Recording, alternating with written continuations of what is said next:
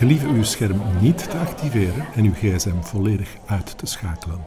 Waarvoor dank. En, wat vond je ervan? Wat vond je ervan? Wat vond je ervan? Mooie beelden. Schitterend. Ik heb al betere stukken gezien. Zeg, die ene acteur. In slaap gevallen. Wat Trok echt op niks. Die Wat een ene rotvoorstel. Wat prachtig. Wat was dat? Ik heb kaakvoerster. mijn Wat was dat, twijfels zeg? over. Die was al sexy, hè? De Theatereter. Welkom bij deze nieuwe aflevering van de maandelijkse podcast van de Zendelingen. We hebben alweer een speciale aflevering voor jullie in petto. Vorige keer zaten we nog aan het Zeetje in Oostende om twee voorstellingen van op Theater aan Zee te bespreken. Nu presenteren we live vanuit de prachtige radiostudio van Urgent FM op het Theaterfestival in Gent. Ditmaal geen aflevering waarin we een gesprek voeren over twee afzonderlijke voorstellingen, maar wel een bijzondere aflevering waarin we ons focussen op de staat van het theater op dit moment. Getiteld De Ronde Tafel. Voor deze aflevering breiden we ons vast panel graag uit met een jurylid en een recensent. Graag stel ik u voor Siska Hoed, recensent, journalist bij Etcetera, recto verso De Morgen. Hallo. Dag Siska. En Karel van Hazenbroek, docent theater en cultuur aan de ULB en het RITS in Brussel, ook dramaturg en essayist en ook jurylid van het Theaterfestival. Dankjewel. Goedemorgen. Goedemiddag, sorry. Ja, sorry. Uiteraard stel ik ook graag mijn vast panel aan jullie voor. Eh Xandri van den Besselaar, een dramaturg theatermaker. Dag Matthias. Dag Xandri. Eh, Jonathan van der Horst, een theatermaker. Wauw, live op de radio. Ja, zeg wel. Eh, Simon Bellens, een filosoof. Ik ben er. Wat een mooie volle studio hebben we deze keer. Ik, ben er- ik kijk er helemaal naar uit. Ja. En mezelf, Matthias Corneli, uw moderator van dienst. Goed, eh, dag Siska en Karel. Eh, welkom bij onze ronde tafel. Eh, we zijn aangekomen op de laatste dag van het theaterfestival. Hoe hebben jullie het theaterfestival beleefd? Bedoel je, wat hebben we gezien? Ja, wat hebben jullie gezien? ik of- niet, want ik heb het al allemaal gezien. Ah, je hebt al alles gezien. Ja. Ik ben jurylid namelijk. Ah, ja, Jij moest het op voorhand zien, Ah, ja, natuurlijk. ja, ja. Ja. En jij, Siska? Eh, ik had eigenlijk ook al veel gezien eh, van deze selectie. Gisterenavond ben ik wel nog naar ehm, Frankie geweest van Laguna Beach. Ah, ja. En ik ga straks naar zomergasten. Ah, ja, oké. Dat, dat heb je nog niet gezien? Nee, ik Ah, nog ja, niet gezien, dus. ja, ja. Ehm, ik heb ook eh, meegedaan met de Recto Verso quiz ah, ja. en met de Big Conversation, juist. Dus, Hoeveelste ben je geworden bij de quiz? We waren zesde. Nou, dat is toch niet Toch slecht. nog, toch nog oké. ja. En dat is net minder dan, dan de ploeg die we bij de redactie van het theaterfestival hebben Ja, afgevaardigd. ja, ja, ja. Baas boven baas. Misschien moeten we even terugkeren naar de selectie van het eh, theaterfestival. Ehm, Karel, daarvoor kijk ik naar u, want jij bent een van de Mhm. zeven juryleden. Ehm, hoe is die selectie tot stand gekomen? Altijd op een eh, rare, chaotische manier. Ehm, als je eraan begint, denk je, dit gaat nooit lukken. Eh, we zijn met zeven te verschillend. Eh, de kijkkaders zijn te verschillend. De voorkeuren zijn te verschillend. Maar op een rare manier eh klit dat altijd samen tot iets zonder dat het echt een onderhandeling is. Mhm. Dus het is niet zo dat de ene dan iets inzet en de andere dan in de plaats iets anders krijgt. Dus het is geen regeringsonderhandeling. Het, is een, het is het resultaat van een jaar spreken en discussiëren. Ehm, over theater in het algemeen eigenlijk, nog vaak veel meer dan over voorstellingen. Het gaat meer ook over wat je wil eh, verdedigen. Het is ook sowieso, zelf voor zeven personen, ik zit er nu al zeven of acht jaar in, denk ik. Ik heb het in verschillende constellaties eh, gedaan. Ik ben stil aan de oude zak van het eh, gezelschap. Het is eigenlijk onmogelijk om alles te zien. Mhm. Eh, zelfs, het is onmogelijk om alles in Nederland en Vlaanderen te zien. Eigenlijk, jammer genoeg, eh, valt Franstalig België eh, ook buiten, waar op dit moment heel veel interessante dingen gebeuren. Dus ja, het is, ook vragen. Brussel is niet alleen Nederlandstalig eh, theater. Dus dat is een, eh, een heel eh, intensief proces. Eh, je rijdt toch veel rond. Ik zie, ja, ik, ben, ik zie drie tot vier dingen per week. Daar zitten wel al vaak dingen van oud-studenten bij enzovoort, die niet in aanmerking komen. Ehm, maar eh, dat is een breed veld. Hè. Dat gaat van sociaal-artistiek eh, over eh, de grote bakken in de stadsschouwburgen tot en met kleinwerk. En we proberen allemaal wel iets van specialisatie te hanteren om toch een beetje het veld te coveren. En het belangrijkste discussiecriterium is natuurlijk het fameuze woord belangwekkend. Mhm. Het is niet zo evident wat dat is. Wat voor mij belangwekkend is, is misschien voor jou uh, niet belangwekkend. Um, en daar, daar wordt een echt gesprek over gevoerd waarom iets belangwekkend uh, zou zijn. Soms zijn heel mooie voorstellingen die echt uit de boot vallen. ook al zijn we het er heel snel over eens. En soms zijn het dingen die de jury echt verdelen en waar er ook tot op het laatste eh, over gediscussieerd wordt. En dan is het vaak ook het principe, als er passie aan de tafel is, dan moet het erin. Heb je Ook daar een voorbeeld van, van een voorstelling? Ja, La Reprise van Milorau was een met eh, hevige voorstanders en hevige eh, tegenstanders. En waarover ging de discussie dan? Over de ethische vraag, eh, waarover, wat doet deze voorstelling? Wat is het exploitatie eh, of is het net het omgekeerde? Ehm, en eh, daar worden heel interessante debatten over gevoerd. Maar het principe is de, in de jury ook wel, als echt mensen voor een voorstelling gaan staan, is het ook belangrijk dat die erin zit. En eh, we proberen het compromis te vermijden. Want het is echt een beetje de dood in de pot. Want dan krijg je zo'n soort grijze soep waar niemand problemen mee heeft. Maar dat is het dan ook. Mhm. Siska, hoe kijk jij naar deze selectie? Eh, ja, ik, ik kon mij er wel, eh, wel in vinden. Ik vond het een interessante selectie. Ehm, net omdat ik denk dat er heel veel voorstellingen eh, in zaten die ehm, inderdaad ehm, ja, tot discussie leiden of zo. Die, die niet per se ehm, perfect zijn of eh, waar ik zo, sowieso eh, in de krant dan en moet je sterren geven waarvan ik zeg van goh, dat zijn allemaal voorstellingen waar ik, ik weet niet hoeveel, vier, vijf sterren aan zou gegeven hebben, maar wel waarvan je voelt van ja, die, die eh, raken wel aan iets dat, dat ertoe doet op dit moment. Ik denk dat wat dat betreft vond ik het eh, een heel boeiende selectie. Is er, ja. iets, is er ook iets wat je mist of, zou, of graag zou willen toevoegen? Ja, er zijn natuurlijk altijd voorstellingen bij allee, die, die tot mijn favorieten van het voorbije seizoen behoorden of zo. Eh, en die, ehm, en die, die er dan niet tussen zitten, maar ik zou het ook wel wat flauw vinden om daar dan een punt van te maken. Ehm, zoals jij zegt, is het een gesprek tussen zeven mensen en niet één recensent die zegt die voorstelling moet erin. Dus ehm, ja. Of, Ja. wie- of wil, je, wil je namen horen? Ik wil wel namen horen. Ja. Ik, wil wel, ik wil eigenlijk Eh. zowel weten van Karel, eh, voor welke voorstellingen ben jij gaan staan? Hm. Eh, in deze selectie? Ja. Eh, ik ben iemand die gaan staan is voor eh, de Don Caravaggio. Ah, en waarom dan? Die heb ik toevallig zelf gisteren net gezien. Heel Ja. barokke, beeldende voorstelling. Ja, goed, het is mijn, het is, het is, ik verraad direct ook mijn smaak van theater. Eh, spelerstoneel. eh, ik vind het heel intelligent gemaakt. eh, van iemand heel jong die ehm, met historisch bewustzijn iets maakt. Ook eh, wat in tijden van amnesie en eh geschied, geheugenverlies. eh, interessant is, die interessante dingen doet, creatief is. Ja, ik vind het, een, ja, ik vind het echt iets heel interessants. ja, en Studio Orca is voor mij ook altijd, heeft een bepaald niveau in Vlaanderen. Eh, waar je eigenlijk niet rond kan. Dat heeft zo'n kwaliteit, dat is zo inventief. Dat zijn ook dat zijn mooie, mooie verhalen.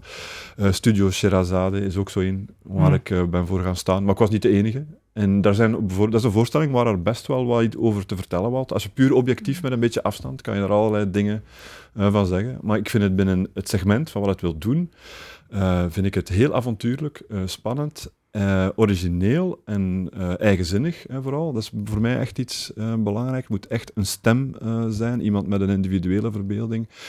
En ik vind het ook een voorbeeld van makers die op een niet verkrampte manier met identiteit, hybridisering omgaan. Dus zijn zo, dit zijn de eerste waaraan ik denk. Er zitten zeker ook in dingen in die ik op voorhand van gezegd heb, moet er zeker in. Mhm. En die je direct ook uitlagen. Dus Dan Siske, dan, ik wil, nu wil ik van jou ook naam en toenaam horen Ja. van een voorstelling waar je, die er niet bij is en waar je wel, wel voor zou gaan staan. Eh, ja, een van mijn favoriete voorstellingen van het voorbije seizoen was de eh, Iemand die slaapt van Boch.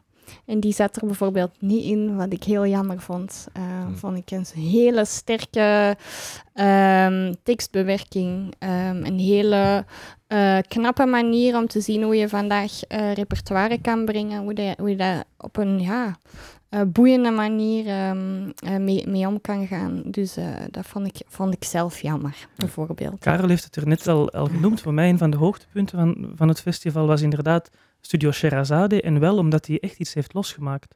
De, de, de oude middelbare school van Haider Altimimi, een van de Mm. makers van de voorstelling, die is komen kijken.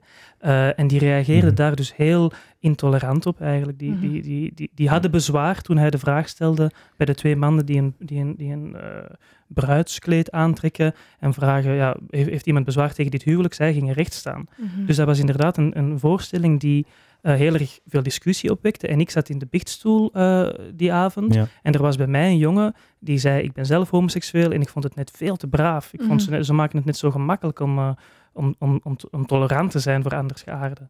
Eh dus dat was een heel moeilijk evenwicht, vond. Ik ik vind het echt theater van nu.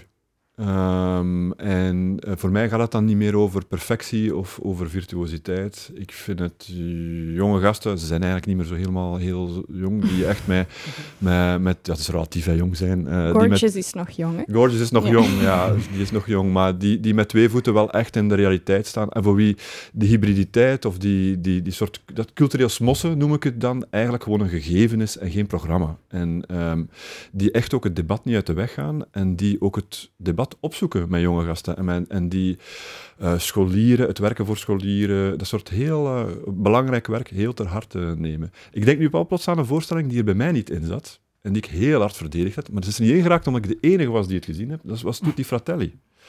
Die een Ah. heel mooie voorstelling eh, gemaakt hadden. De Bloemen van een autist? Of, nee. de eenzame man, dacht ik, heette Ah. die. Eh, die zat echt heel goed in elkaar. En ik vind het sociaal-artistieke veld, ik vind in het algemeen dat daar eigenlijk heel spannende eh, dingen... eh, voor- en de voorstelling van Jozef Wouters was een voorstelling die heel snel naar boven lag. Mhm. Ehm, bijna iedereen was het daarover eens, dat het echt wel iets heel bijzonder was. Maar het is wel geen toeval dat het van zo'n jury, in zo'n jury een voorstelling is die in- meer in het legitiemere kunstcircuit eh, gemaakt is, KAI-theater enzovoort, die dan toch naar boven komt drijven. En ik, ja, ik heb altijd wel gepleit ook om het bredere segment van sociaal-artistiek eh, mee te nemen, omdat daar toch ook echt expert... Ik vind dat er heel belangrijke dingen eh, gebeuren. Eh, Mhm.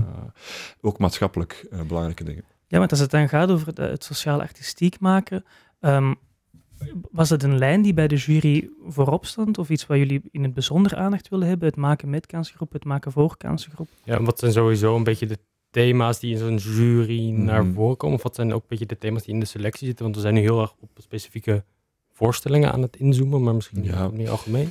Maar weet je, op, zo, op het einde van zo'n weekend vraagt de directrice Kathleen dan altijd en kunnen we nu even de trends benoemen van de selectie? Mm.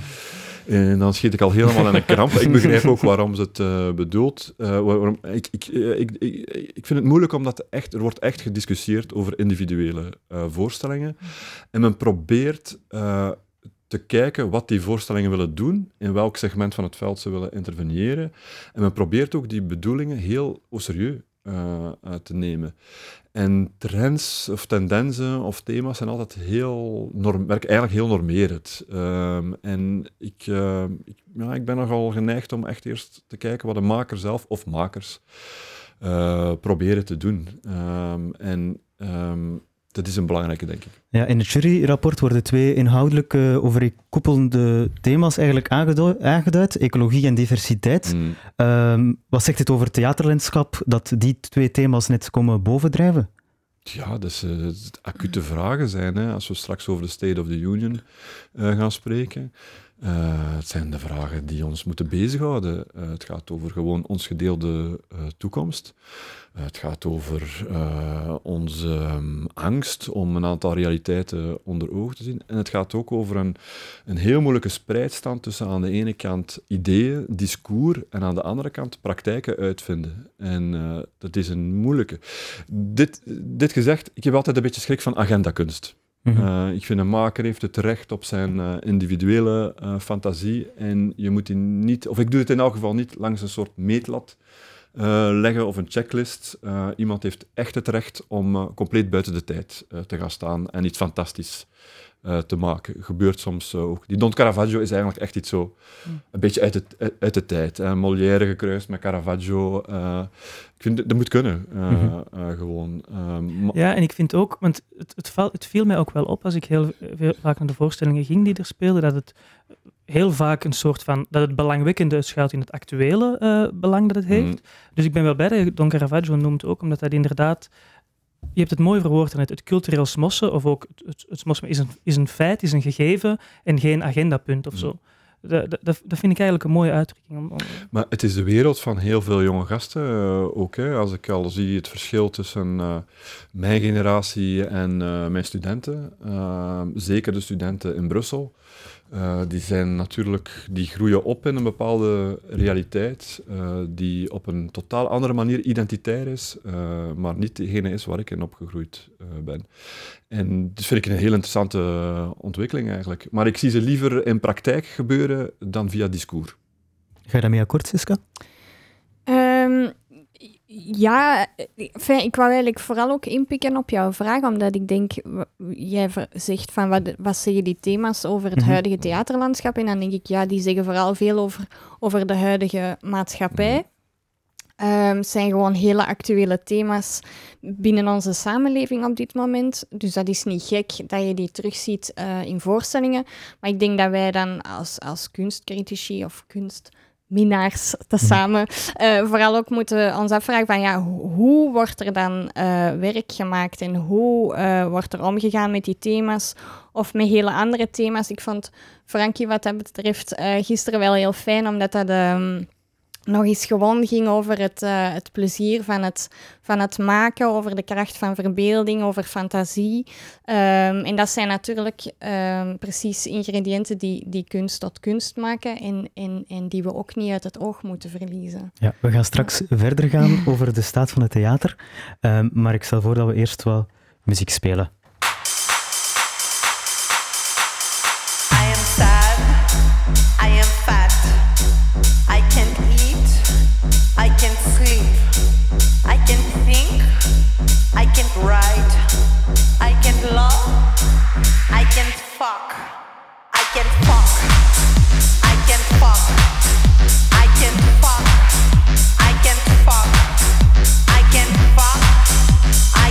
Was I Can Fuck van Permanent Destruction, een nummer uit de show van Naomi Velisariou, geselecteerd voor het theaterfestival, maar kon helaas niet hernomen worden omdat Naomi hoog zwanger is. Tijd om even het... Ja, geschikt met de titel van het nummer nogthans, ja. Oh Is dat, is dat een al te flauwe mop? Dat kan ik Beetje niet Ja, flauw. eh, ja, een beetje wel- flauw, maar ja, Tijd om het even te hebben over eh, de staat van het theater. Ehm, vanmiddag vond de Big Conversation on Today's Theater plaats op het festival in samenwerking met Etcetera, Beurschouwburg en Recto Verso. Ehm, Siska en Jonathan, jullie komen daar net vandaan. Eh, welke thema's we- kwamen daar bovendrijven? Eh, ja, ik, ik- ben eigenlijk alleen maar naar de eerste. De eerste dus de, de opzet is een beetje van het, eh, van het ding dat kan Siska misschien eigenlijk beter uitleggen, want die organiseert het. Eh, ja, het opzet, eigenlijk komt het, ehm, het, het format, dat is het woord dat ik zocht. Ik heb dus heel veel moeten praten, dus ik kom niet meer zo goed uit mijn woorden als eh, s ochtends. Maar ehm, het, het format komt eigenlijk van de Beurschouwburg. En je hebt eigenlijk ehm, negen eh, tafels eh, eh, waaraan groepjes mensen samen met een expert of iemand die ehm, eh, veel weet over iets of er ervaring mee heeft, waar dat je ehm, met die persoon in gesprek kan gaan. En ze hebben bijvoorbeeld al een editie gehad rond feminisme, eh, rond decolonisering. En nu hadden we eigenlijk een soort van algemene editie samengesteld met allerlei thema's die we actueel eh, vonden het afgelopen seizoen.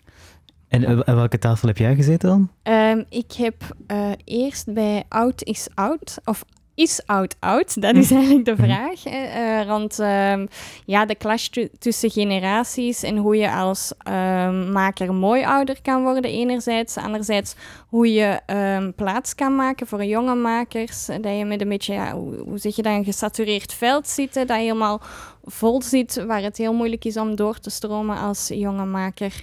Ehm, Door te sterven. Of, eh, dat, eh, die optie hebben we niet besproken. Welke Maar opties hebben jullie wel, wel eh, besproken? Ja, het was eigenlijk wel boeiend. Het was met, met Peter van den Ede en Willem de Wolf van de Hm. Koe. Ehm, en ehm, ja, er was bijvoorbeeld het idee, je hebt nu heel veel jonge makerstrajecten. Hè, bijvoorbeeld bij de Monty Toneelhuishoete. Eh in Nederland We zitten hier we bij er de ook een Monty aantal. Voilà. Een oud jaar, hè? ik, ben, ik ben al klaar.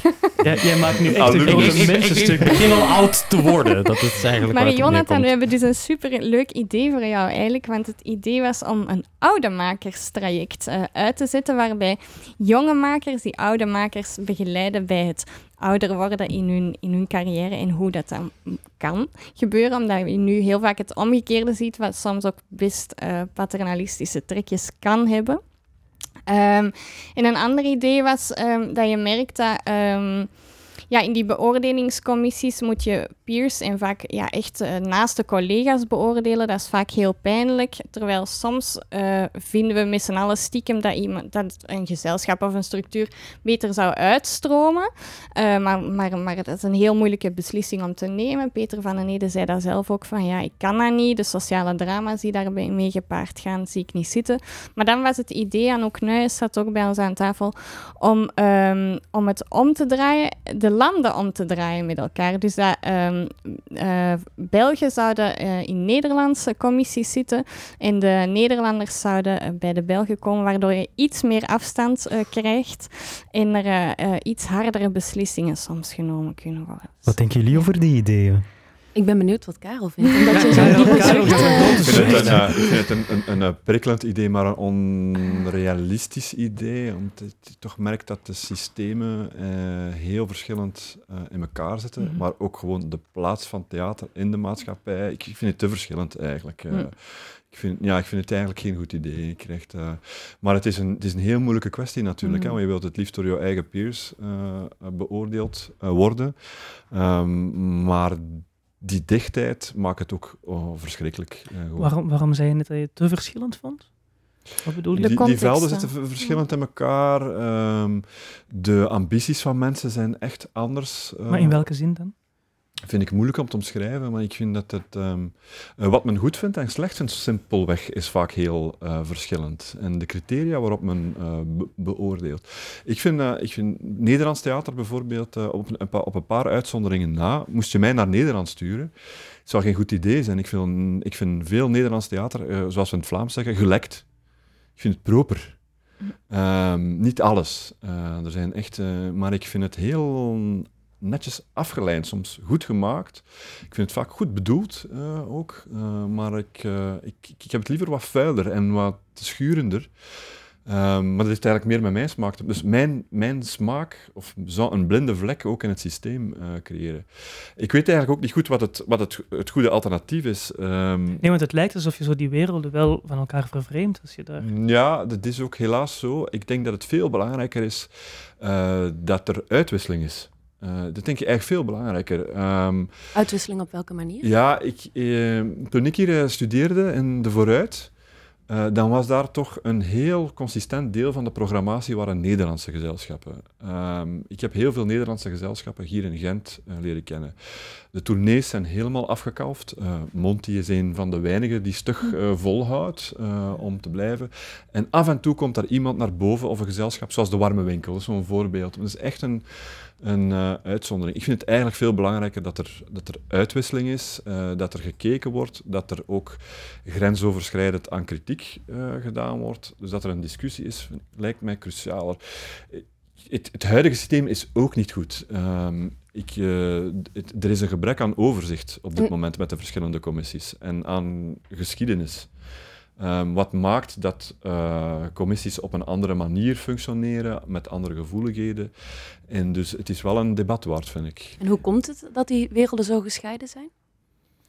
Heeft dat enkel met die smaak te maken? Nee, nee je, ziet het in- je ziet het op veel cultuurgebieden. Hè. De literatuur, de taalunie is nog een van die laatste mummies die nog overblijft. Je ziet het op eh, allerlei eh, gebieden. En het is, eh, wel, je, ziet het ook gewoon in, aan de media. Het zijn gewoon twee compleet verschillende democratische eh, ruimtes. En, Subsidiesystemen ook. Dat, ja. dat Maar we ook zitten hier aan, met het vaste panel. We hebben twee Nederlanders in, in, in, in Vlaanderen. Wat vinden jullie daarvan? Ehm, het is mij wel opgevallen toen ik hier... eh, ik ben naar hier verhuisd om te komen studeren hier. Eh, woordkunst heb ik hier gestudeerd. Of in Antwerpen. Ehm, en het viel mij wel echt meteen op eh, dat ik ehm, in Nederland al een, een bepaalde expertise... of ik had een zekere gevoeligheid met welke gezelschappen waar ze voor stonden. En toen ik hier kwam had ik het gevoel helemaal opnieuw te moeten beginnen. En ik vond dat best een ontwrichtende ervaring eigenlijk. Dat ik, dat ik dacht het een beetje in de gaten te hebben, maar dan... En herken jij wat, wat, Karel zegt van die andere criteria van wat goed theater is? Herken je dat ook? Ja, ja. ehm, Nou, het gaat niet per se om goed theater, denk ik, maar eerder om een bepaalde stijl. Ik Ja, denk inderdaad dat denk ik ook. dat Nederlandse voorstellingen inderdaad iets gelikter zijn, ook nog meer. misschien ik denk ook... wat meer traditioneel theater aanschurken. Ik denk dat hier performance en performatieve elementen toch al veel meer ook binnen mainstream theater hun, hun weg hebben gevonden of zo. En misschien ook eh, dat de oorzaak een beetje ligt in de opleidingen. Ik heb het gevoel dat dat, dat verschil eigenlijk al ontstaat tijdens het eerste jaar van een, een theaterschool of een dansschool. Ja, ik denk dat je daarin gelijk hebt. Ik denk dat ehm, de Nederlandse of de Belgische opleidingen, de Vlaamse opleidingen, iets meer vanuit de eigenheid eh, van studenten uitgaan. En de Nederlandse opleidingen toch een iets vooropgezetter idee hebben van wat uh, spelen is, uh, van wat maken is. Maar we zijn aan het generaliseren natuurlijk. Hè, en voor wat ik zeg, zijn er allerlei uitzonderingen van heel interessante... Ik heb ook heel interessante voorstellingen. Ik ben een grote fan van Jeroen de Man, bijvoorbeeld, als regisseur. Dat is een heel wispelturig traject. Ik vind het echt een regisseur, iemand met een eigen métier. En wat ik mis bij ons is dan uh, precies het, het plezier uh, om met het medium theater om te gaan. Uh, echt de essentie van het ding. De zaal, de lichten, de kostuums enzovoort.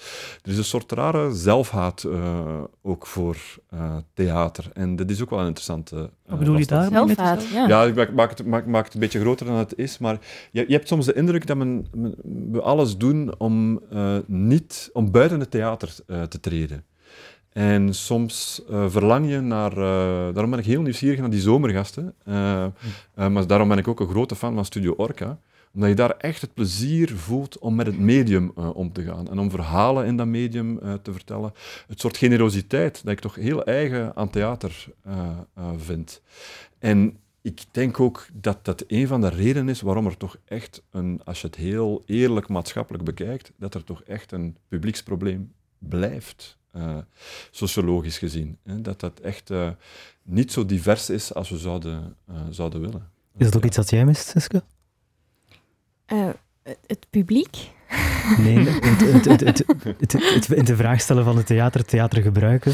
Oké. Okay, um, ja, ik herken het wel een beetje. Ik, uh, uh, een van jullie vragen, dan loop ik misschien wat voor op het gesprek, maar was ook uh, naar tendensen vandaag. En dan zie ik zag bijvoorbeeld eh, op Theater aan Zee deze zomer superveel um, ego-documenten.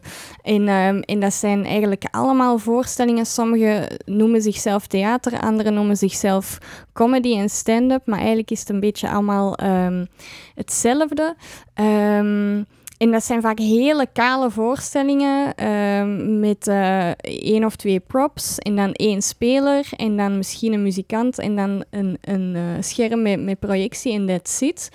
En, en dat is dan iemand die vertelt over um, hoe hij of zij gefaald is, heel Mhm. vaak. En dat is dan een beetje grappig en herkenbaar en ontroerend.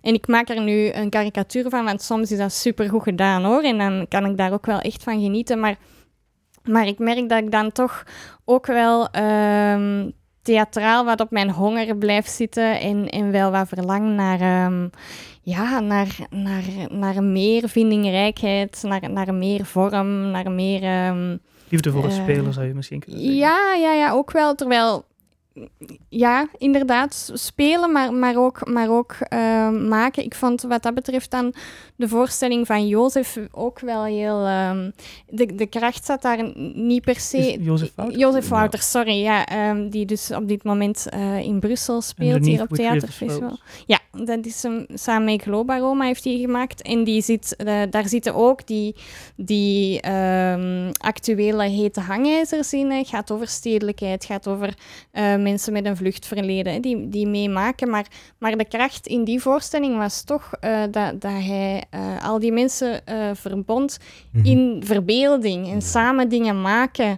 En, en daar dan ook nog eens het publiek in, in meetrekken en, en, en een nieuw universum creëren. En, en, um, en, en je daarin heel die groep meenemen. En, en, en dat ja, dat is echt wel de kracht van theater. En ja. daar, daar word ik wel heel gelukkig van, van mm. zo'n voorstelling. Ik denk dat we straks nog verder gaan spreken over die tendensen, maar ik heb eigenlijk nog één vraagje aan, aan, aan Siska. Het is misschien een heel bazaal dommig vraagje, maar die big conversations, je gaat dan van, het is Mhm. gecentreerd rond een aantal onderwerpen, act- actuele hangijzers.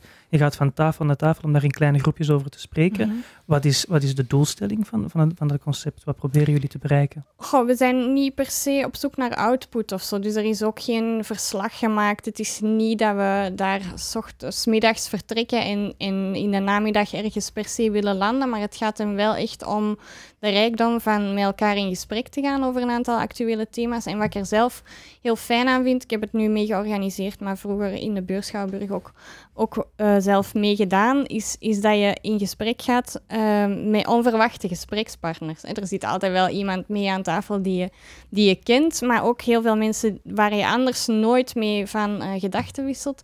En dat, dat levert altijd eh, iets op, ehm, zonder dat dat heel directe winst is. Had jij een onverwachte gesprekspartner van de dag?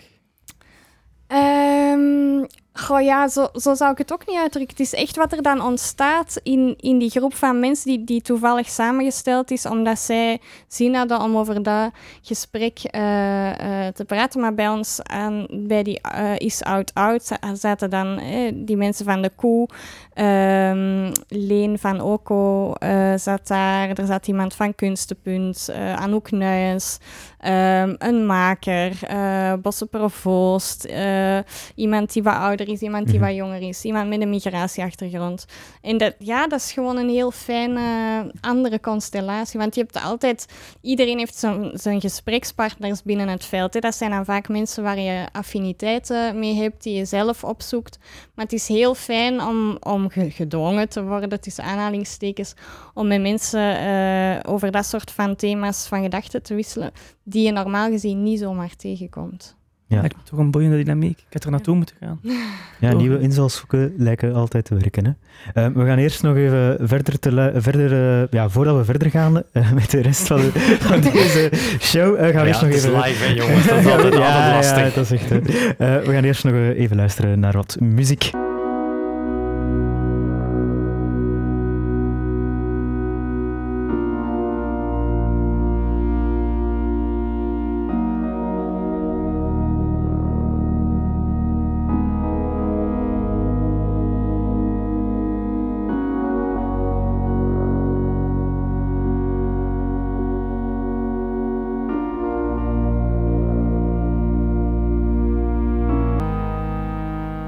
The Sea Within van Tracing Meridians. Muziek uit The Sea Within van Voetvolk en Lisbeth Gruwe, eh, de persoonlijke favoriete voorstelling van onze theatereter Simon. Ja, ik heb die wel niet in de. In, ik heb die gezien begin van dit jaar, toen had hij al een tijdje speelde, maar het is wel echt een van de mooiste voorstellingen die ik heb gezien dit jaar. Ik weet niet hoe, hoe dat jullie daarover denken.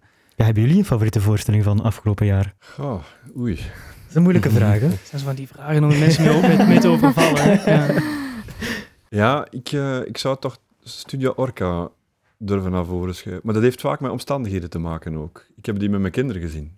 En dan zie je plots door Studio Orca die hun plezier voor theater en de verwondering. En op zich is het is een zeer oneigenlijk argument.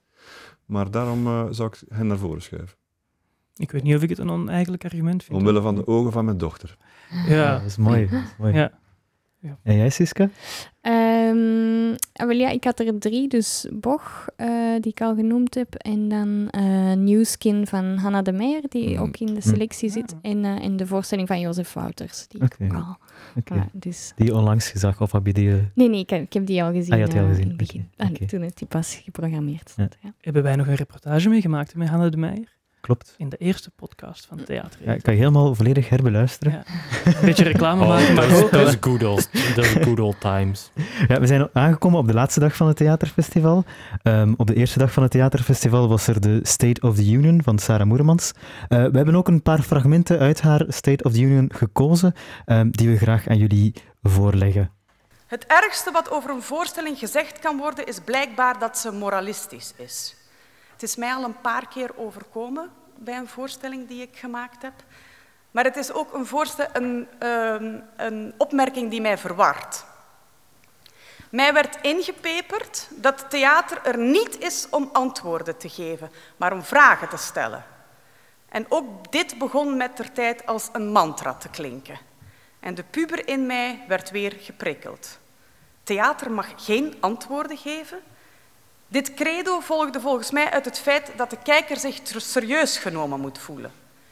Ik denk dat ook de kijker geëmancipeerd genoeg is om zijn positie te bepalen, geconfronteerd met een voorstelling die duidelijk positie of posities inneemt.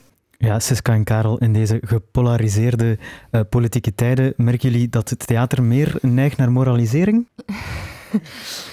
Doe jij maar eens. Ja, ja ik, ik, um, het, ik moest uh, gewoon wel lachen toen dat ik uh, Sarah dit hoorde vertellen.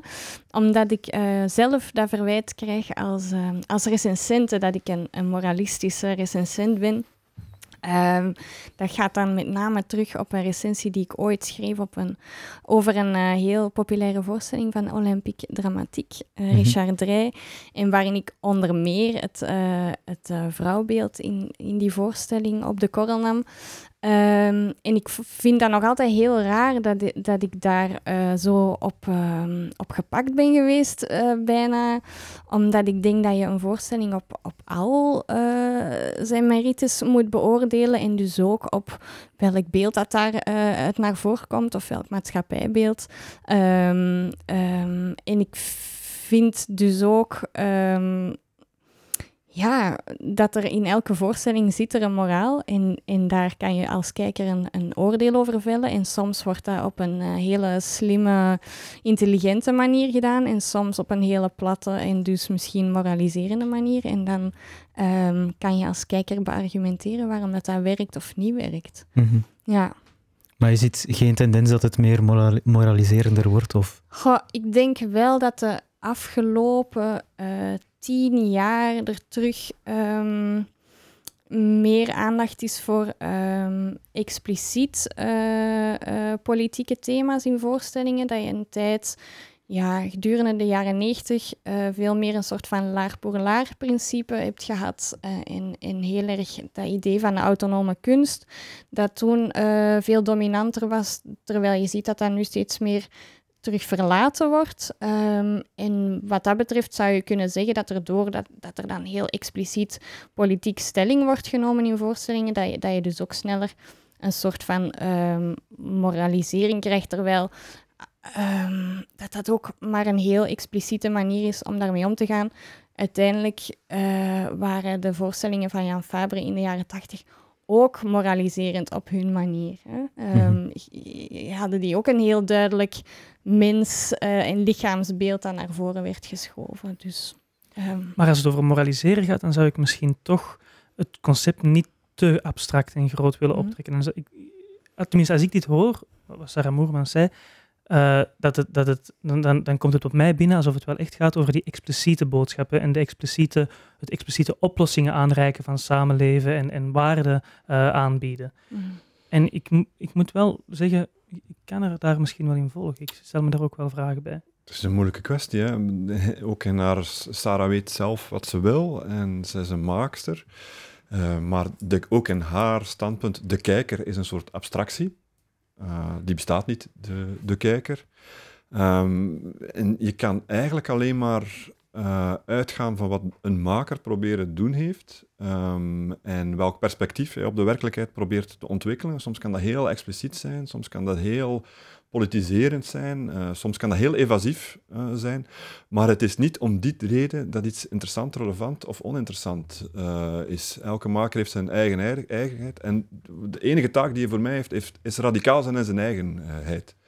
En, um, dus ik, kan heel, ik heb geen um, vooraf bepaald idee van wat theater zou moeten zijn. Ik ga altijd even open de zaal binnen. Um, gelijk welke voorstelling. En ik probeer eigenlijk mee te kijken met de maker en proberen te begrijpen of dat perspectief dat ontwikkeld wordt, of het interessant, relevant is. En soms kan dat via een, een, een stamp voor u een stamp in uw maag. Uh, soms kan dat heel contradictorisch uh, poëtisch zijn. Jozef is zo'n voorbeeld, Jozef Wouters. Hè. Dus een heel poëtische wereld binnen. Je, je, wordt een aantal dingen, referentiekaders afgenomen en zo aan het denken gezet. maar je hebt andere voor, voorstellingen, voorstellingen die heel expliciet standpunt nemen. Maar ik heb geen voorafgenomen bepaald kader van wat ik vind van kan en niet kan. Ik, ik, ik wil aan het werk gezet worden in de voorstelling. Dat kan intellectueel zijn, dat kan emotioneel zijn. Ik heb alleen niet graag uh, dat men mij zegt wat ik moet denken. Eh, En ik denk dat het daar een beetje over gaat als we het over moraliseren hebben. Want en dan, dan, dan, ik ga meteen weer al mijn kaarten op tafel gooien, maar ik vraag me af, hoe vermijd je dat je telkens weer voor eigen kerk predikt? Het lijkt alsof, we, alsof we, ons wordt gezegd hoe we moeten denken, maar op een manier dat we het er toch op voorbaat al, al, al mee eens zouden zijn. Dat is een gevoel waar ik vaak mee zit, ook soms op het theaterfestival mee heb gezeten. En dat is ook een van de redenen waarom het mij bijvoorbeeld zo frappeerde tijdens de, tijdens, eh, de Studio Sherazade-voorstelling voor, de, eh, eh, voor de scholieren, die dan net heel, heel aversief reageerden. Ja, daar waren de andere weldenkende toeschouwers helemaal gechoqueerd door. Ja, mijn, mijn- antwoord zou zijn, eigenlijk ligt de, de verantwoordelijkheid niet in de voorstelling zelf, maar bij publiekswerving en bemiddeling. Het is zo belangrijk om eh, niet alleen de mensen die van theater houden, eh, die, voor wie het een gewoonte is of wie het deel uitmaakt van zijn cultureel gedragspatroon, om die in de zaal te hebben. Je moet echt voor elke vorm van publiek vechten. En die proberen ook eh, volledig eh, op, een, op een even genereuze manier aan het denken te. En het voorbeeld dat je aanhaalt is het, voor mij het perfecte voorbeeld. Het is zo belangrijk dat er scholieren in de zaal zitten. Het is zo belangrijk dat die serieus genomen worden, dat die tegendraadse dingen. Maar het is ook zo belangrijk dat die makers het gesprek aangaan. Voor mij ligt daar het grote, het grote werk. Eh, niet in wat er zou moeten op scènes enzovoort. Ik zie ook dingen waarvan ik denk, eh, ja, pak minder eh, interessant. Maar voor mij ligt de, de, de, grote uitdaging ergens anders. Maar denken jullie dat dat, dat dat ook een uitdaging voor makers is om expliciet een andersoortig publiek te proberen aantrekken? Ik denk dat elke maker het eigenlijk probeert op, op zijn manier. Eh, ik, eh, we hebben nu net het voorbeeld, maar eh, een gezelschap als Abattoir Fermé doet het even goed. Door bijvoorbeeld revues te organiseren in Nona, twee weken lang. En allerlei dingen in elkaar te steken. Dus iedereen doet het een beetje, sociaal-artistiek doet het op zijn manier. En het is vaak ook eh, via sociaal-artistiek dat er ook nieuwe kijkers, eh, Victoria Deluxe weet ik, eh, die, die gaan met een busje naar het KAI-theater eh, gaan kijken met de mensen. Het is fantastisch gewoon. Dus het gaat niet alleen over, het gaat over empowerment, maar het gaat ook over mensen, van mensen toekomstige kijkers maken. Ja, en daar hadden we het, ehm, daar hadden we het net ook op, bij de Big Conversation over. Ik zat aan de tafel, doe eens iets met, nieuws, met nieuwkomers. Dus daar ging het dan heel erg over, over participatie met, eh, met nieuwkomers. En ehm, hoe je dat op een, op een, op een inclusieve en eh, echt participatieve, hoe dat je die echt bij je project kan betrekken. En ook hoe dat je hun verhalen op een juiste manier doorvertelt en op het podium zet. En er was ook iemand in die groep die zei van... ja, als je, het niet, als je niet voelt dat je daar iets mee moet doen... dan moet je er ook niks mee doen. Je moet er niet uit een soort van opportunisme van... oh, dat is een belangrijk thema op dit moment... eh, als maker denken van... oh, dan zal ik maar op die kar springen... want dan spreek ik daar een nieuw pub- publiek mee aan of zo. Ehm, dus dat vond ik voor mezelf alweer een verhelderende gedachte. Dan zou het bijna een marketingstrategie zijn om iets met nieuwkomers Ja, dan is het natuurlijk heel cynisch en dat is natuurlijk niet de bedoeling van de, van de discussie. Ik denk dat het een cruciale eh, discussie is. Het gaat ook over macht en over machtsverhoudingen. Maar ik vind wel dat het, het, het van alles culturele identiteit eh, maken, maakt ons ook deels blind. Eh, blind voor een aantal socio-economische dingen. Dat gaat dan bijvoorbeeld over toegang tot onderwijs, over armoede enzovoort. En ik blijf geloven dat eh, interculturalisering, maar ook decolonisatie, niet naast de reguliere structuren, maar in de reguliere structuur en te beginnen bij onderwijs. Daar moet het gebeuren. Het kunstonderwijs moet eerst veranderen voor eh, het theaterveld eh, kan veranderen. Je kan geen parallele circuits, het heeft geen zin. Je moet makers voor vol aanzien en voor hun eigen eigenheid. Maar je moet ook durven over reële maatschappelijke fenomenen die achter die identiteiten eh, zitten. Ik moet zeggen, dat is een bedenking die ik mij bijna twee weken heb gemaakt op het theaterfestival. Welk soort diversiteit omarmen wij binnen de culturele sector? Het lijkt mij alsof we daar misschien wel heel erg veel aandacht hebben voor religieuze diversiteit, eh, eh, diversiteit van afkomst, diversiteit van gender, van geaardheden. En als- alsof misschien diversiteit van opleidingsniveau, van socio-economische diversiteit of ook diversiteit van politieke overtuigingen net iets meer uitgesloten wordt. Ik, wat denken jullie daarover? Goh, ja, je opent daarmee eh, een hele grote discussie waar we opnieuw eh, een uur minstens eh, Mhm. zoet, zoet mee zijn. Dus ik vind het ook moeilijk om daar zo in een paar zinnen veel over te zeggen. Maar ik denk ehm, dat je zeker eh, ehm, eh, je, spreekt altijd over een kruispunt van identiteiten. En ik denk inderdaad dat het in het debat soms wat verengd wordt tot, tot huidskleur of etnisch-culturele afkomst. Uh, terwijl we een categorie als klasse bijvoorbeeld uh, zeker niet mogen vergeten. Uh, ik hoop dat ik daarmee niet als een oude marxist klink, hè, maar, maar, maar het, is toch, het is toch een heel belangrijke om, om niet te vergeten. Um, en dan zie je wel nog altijd dat er, dat er um, meer in de marge van het veld wel met, met, met heel diverse groepen gewerkt worden, uh, wordt. Uh, Sociaal-artistieke, uh, traditioneel sociaal-artistieke organisaties zijn al sinds jaar en dag bezig met mensen um, die het financieel minder breed hebben en daar alle gevolgen van dragen. Tegelijkertijd zie je in alle steden um, ja, uh, netwerken ontstaan die, die misschien uh, niet zichtbaar zijn binnen, binnen de gesubsidieerde sector, maar waar dat je helemaal geen wit publiek ziet, ziet als, je, als je naar hun creaties gaat kijken, bijvoorbeeld. Dus ik denk dat we daar, ons daar ook niet op, op blind mogen staren en niet mogen denken dat die sector zo monocultureel is. Um, ik denk dat de, de, de gesubsidieerde structuren wel nog wat uh, werk aan de winkel hebben en dat we daar in die machtsverhoudingen zeker kunnen schuiven. Maar er wordt uh, overal in, in, in de maatschappij, in alle lagen, wordt er op een heel interessante manier kunst gemaakt. Ja. We moeten denk, dat alleen zichtbaar maken. Ik ja. denk dat we daar nog heel lang zouden kunnen over verder praten. Maar ik zou graag nog één fragment uh, laten horen. Typerend voor onze tijd is de multiperspectiviteit. Dat we de geschiedenis vanuit een berg, een dier, een wit of een zwart iemand kunnen zien. Typerend voor onze tijd is dat we juist niet allemaal met leden ogen zitten kijken naar de ondergang, maar dat er kampen zijn van activisten en ontkenners. Typerend voor onze tijd is de psychologie die zich kenmerkt door een overbewustzijn. Het is dan ook, denk ik, een te beperkte definitie om het werk van een handvol witte, dode, mannelijke auteurs het repertoire te noemen. Misschien is het voor menig, uh, hierdoor is het voor menig podiumkunstenaar die zich hier niet voor interesseert ook stilaan een scheldwoord geworden. Repertoire toneel. Onterecht, vind ik. En daarom hoop ik dat we het begrip repertoire meer kunnen opvatten als een steeds vervormende verzameling aan verhalen en teksten die ons als mensen vormen. En die groeit aan aan de ene kant en die brokkelt af aan de andere kant. En dat is juist noodzakelijk om vitaal te blijven. Ja, zijn jullie het eens met Sarah? Uh, ik ben het eens met dat laatste stuk. Dat vind ik het helderste. Namelijk, het idee, het brokkelt af en het groeit aan.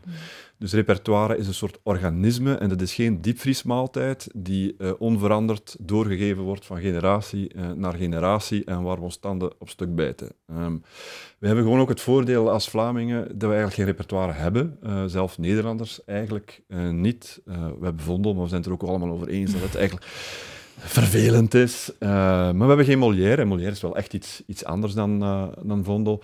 Maar het wordt voor mij wel problematisch, en dan belanden we in de kanondiscussie, um, als um, um, een gedeeld cultureel kader, en dan gaat het over natuurlijk wat we delen, een aantal machtsverhoudingen uh, verdonkere maand, dan is het heel problematisch.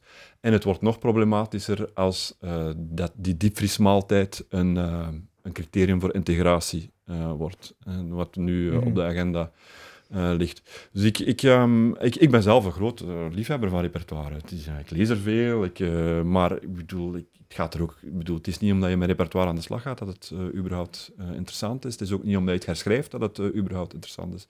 Mij gaat het om de vraag welke verbeelding zet een maker tegen die tekst. Ongeacht wat de, wat de verbeelding uh, is. En soms moet je ook dingen gewoon radicaal durven herlezen. Soms moet je ook gewoon durven uh, herdenken wat repertoire is. En moet je ook laten uh, het virus woekeren in het repertoire. En het feit dat onze samenleving grondig aan het veranderen is en veranderd is, moet ook consequenties hebben voor wat repertoire is. Want repertoire is iets wat je deelt. niet iets wat je gebruikt om iemand anders mm -hmm. te laten voelen dat hij er niet bij hoort. En is daarvoor een per definitie een tussenkomst nodig? Wat bedoel je met tussenkomst? Dus een, een, een herschrijven van een stuk? Of... Mm, Nee, voor- mm, het, het, is een, het, het kan. Sarah doet het zelf. Hè. Eh, Dingen radicaal met Joachim Robrecht. Eh, maar het, het hoeft niet. Ehm, het hoeft niet. Gaat meer, mij, mij gaat het echt over het perspectief dat je ontwikkelt op materiaal. Ehm, maar die vraag naar perspectief gaat voor mij even goed over documentair materiaal. Het is niet omdat je met documentair materiaal werkt dat jouw voorstelling op zich interessant eh, is. Het gaat over het perspectief dat je ontwikkelt. En voor mij blijft die vraag altijd dezelfde. Ga je daarmee akkoord, Siska? Eh, ja. Volledig. volledig Bedankt tot volgende week. Volmaakte, ja. Nee, maar dat is de hele, hele kanon-discussie die Mhm. nu terug een beetje opwaait dankzij eh, Bart de Wever. Maar, ehm, en dan nu ook Sarah Moermans. Maar eh, ja, ik denk dat, dat, een, dat een kanon eh, iets is dat je voortdurend moet blijven heronderhandelen en in vraag stellen. En, eh, en dat zolang dat je dat doet en dat dat op een transparante manier gebeurt en daar zoveel mogelijk stemmen ehm, eh, hun zeg in kunnen hebben, dat dat een heel in- interessante manier is om, om, om eh, als bril te gebruiken om, om naar de samenleving te Mhm. kijken. We gaan straks nog heel even eh, kort verder over het komend seizoen, maar we gaan eerst nog even luisteren naar muziek.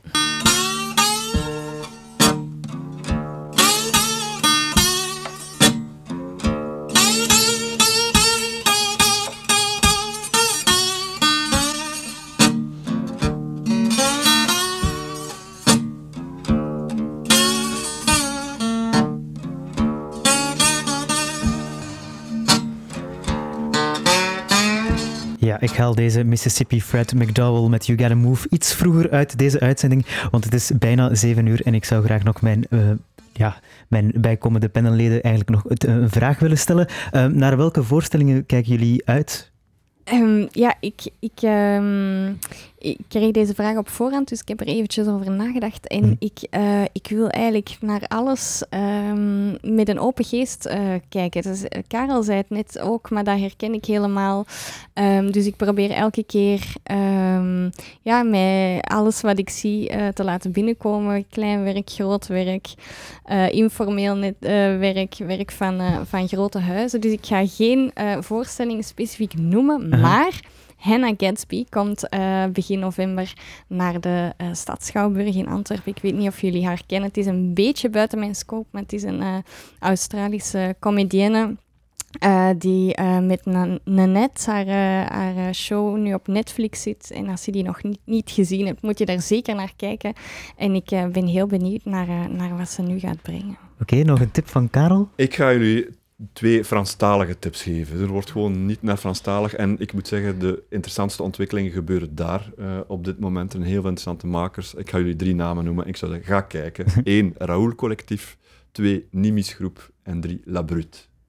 Voilà. Voilà. En dan horen we het later of het interessant was. Ehm, Oké, ik wil jullie ontzettend hard bedanken om naar deze studio te komen, om samen met ons eh, aan deze ronde tafel een interessant gesprek te voeren over de staat van het theater. Ik hoop dat jullie het fijn vonden. Ehm, dan ook natuurlijk bedankt aan mijn vaste panelleden Xandri, Simon en Jonathan. Bedankt. Graag gedaan. Ehm, en natuurlijk ook bedankt aan het Theaterfestival, eh Urgent FM, Timon van de Voorde, ehm, voor de begeleiding in de studio en de zendelingen. Eh, volg de zendelingen op alle sociale mediakanalen. Je kan deze podcast terugvinden in je favoriete podcast-app Spotify, Soundcloud, TuneIn, Stitcher en Castbox of via de website van de zendelingen.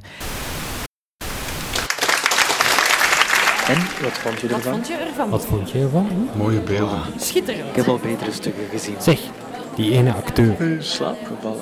die was zo sexy, hè? Die Wat een rotvoorst. Wat prachtig. Wat was dat? Een kakvoer. Hebben er mijn Wat was dat? twijfels over? Het trok echt op niks. De theatereter.